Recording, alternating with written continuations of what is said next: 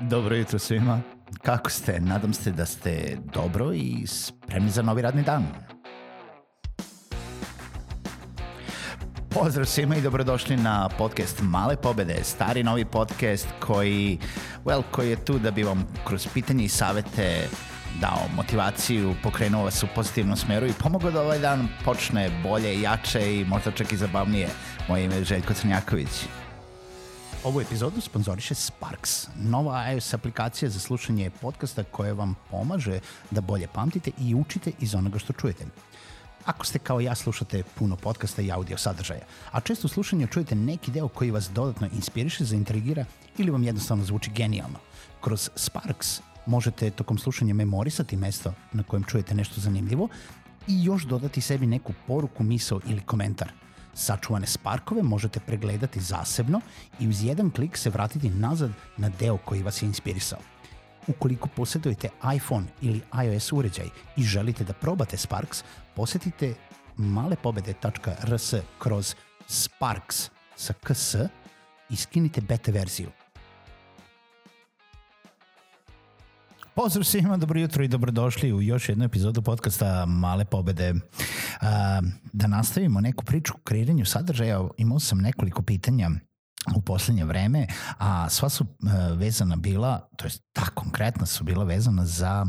o tome da li treba koristiti neki scenario kada kreirate neki sadržaj, nebitno da li ste opet u video sadržaju ili u audio sadržaju i kada je bolje koristiti scenario, a kada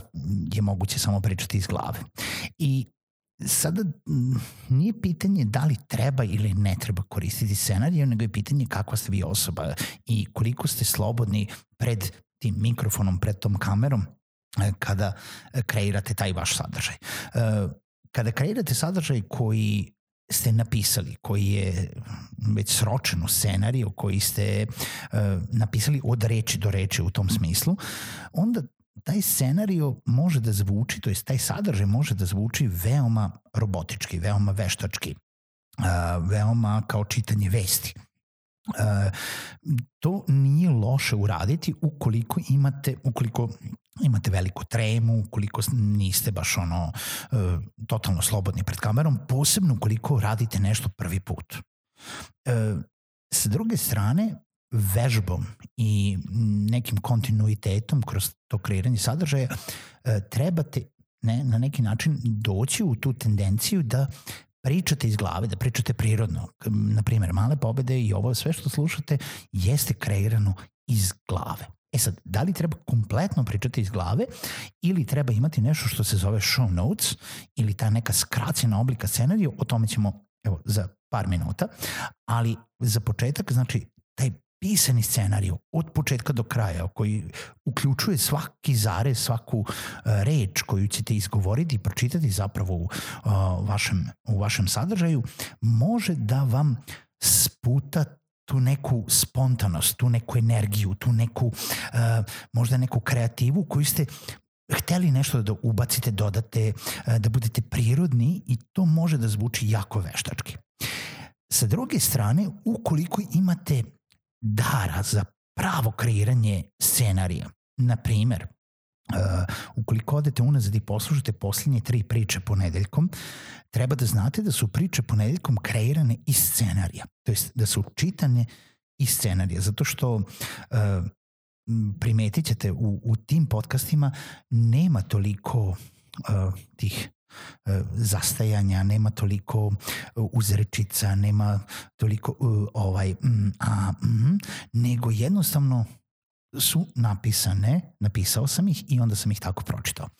E, ipak, kada sam ih kreirao, kroz sav svoje iskustvo kreiranja sadržaja koje sam do sada nakopio, na neki način sam oformio priču koja bi imala te intonacije, mislim ja sam pisao sadržaj i samim tim sam znao gde želim da intoniram, da budem prirodan, da budem e, energičan, a gde da spustim ton i na način na koji ću to pričati. To nije isto kao kada napišete neki scenariju i sada pročitate neku vest ili pročitate nešto što ćete uraditi bez uh, te automatike, robotike i sve ono što ide uz čitanje scenarija. I, sa jedne strane pričavam iz iskustva kada snimamo neke videe kroz posao koji radim i kada ljudi dođu da se snimaju i imaju napisan scenariju, nebitno da li ih namestimo tako da se vidi ili ne vidi da čitaju u video sadržaju, je to mnogo teže uraditi, uh, postoji uh, veoma velika razlika u tome što čujete šta je pročitano, a šta je u stvari rečeno iz glave i šta je neko rekao zato što to zna iz iskustva želi to da vam stvarno prenese i formira u glavi šta hoće da kaže, nego naspram toga da je to pročitao kao tako. E sada, kada dođete do jednog momenta ili ako ste dovoljno slobodni da želite da pričate iz glave, onda nije loše da ne pričate samo iz glave. U stvari da nemate jedan kako da zabelešku ili note ili bullet point, uh, jel da, tačkicu, crticu, uh, šta sve hoćete da kažete, nego ako počnete samo da pričate iz glave, može da se desi totalni raspad sistema, zato što veoma lako, i sam sam prošao kroz to, se može desiti da počnete od jedne stvari, uh, pa ne onako kroz neki razgovor odlutate na drugu stvar, pa odlutate na treću stvar i na kraju ne završite misao i dotaknete se 3, 4, 5 stvari koje ste želeli da kažete, a zapravo ispadne da ne kažete ništa. U stvari ispadnete da, da ne zaokružite priču oko svega onoga što želite da kažete. I stoga je super praviti ono što se zove i što sam pomenuo show notes, što e,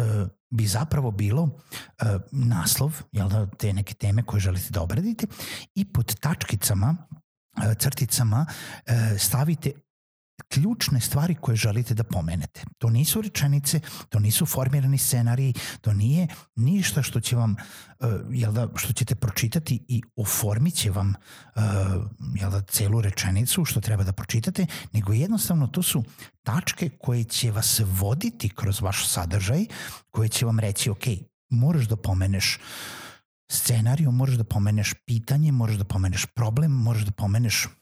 ovu, ovu i ovu činjenicu i onda moraš da zaokružiš to tako što ćeš uh, da preporučiš nešto, na primer. Ili pod tačkama da vas vodi kojim redosledom da pominjete neke stvari. Ili da ne zaboravite šta sve treba da pomenete. Jer to će vam omogućiti da imate taj neki uh, jel da, zaokruženu tematiku u toj epizodi sadržaja koju želite da kreirate to izuzetno pomaže. To izuzetno pomaže, pogotovo ukoliko tu epizodu kreirate sami bez sagovornika. Ako imate neki intervju, nije loše da sami sebi zapišete pitanja. Nije problem ukoliko vi odlutate uh, sa tih pitanja ili nije problem ukoliko vama kao iskusnom uh, voditelju programa se javi neko dodatno pitanje koje je pokrenuto nečim što je vaš gost rekao i samim tim malo odlutate od tih nekih pitanja koje ste želeli da obradite, ali u momentu kada taj razgovor stane, u momentu kada dođe do toga da uh, na neki način zaokružimo tu tematiku koju smo pričali, neće biti rupa, aha, ok, sad šta želim sledeće da pitam, nego jednostavno imate pitanje ispred sebe, uvek se možete vratiti na sledeće, na sledeće, na sledeće ili čak možete i preskočiti neko i E, na veoma neprimetan način voditi jedan celokupan intervju ukoliko radite intervju. A opet kažem, ukoliko radite sami, show notes će vam pomoći da još uvek budete prirodni, spontani i energični i on, jel da koristite sve ono što želite da kažete, a opet kroz te tačkice, crtice će vas voditi da ništa ne zaboravite i da napravite tu celokupnu priču. Tako da moja preporuka za one početnike, za one koji uh, za one koji rade sadržaj prvi put, za one koji imaju nešto malo treme, napišite scenario, vežbajte, vežbajte iz prvog gledala i što više zapamtite sve ono što želite da kažete, ali budite prirodni, nije problem da na bilo kojem vašem sadržaju mm, malo se zanesete, malo izgubite tok misli, malo začutite, malo kažete mm, ovaj ili nešto, veći je problem da to uradite robotski, i da to bude onako samo dobro jutro, dobrodošli, želeo sam da vam kažem ovo, ovo i ovo. I onda završite jer zapravo u današnjoj gomili sadržaja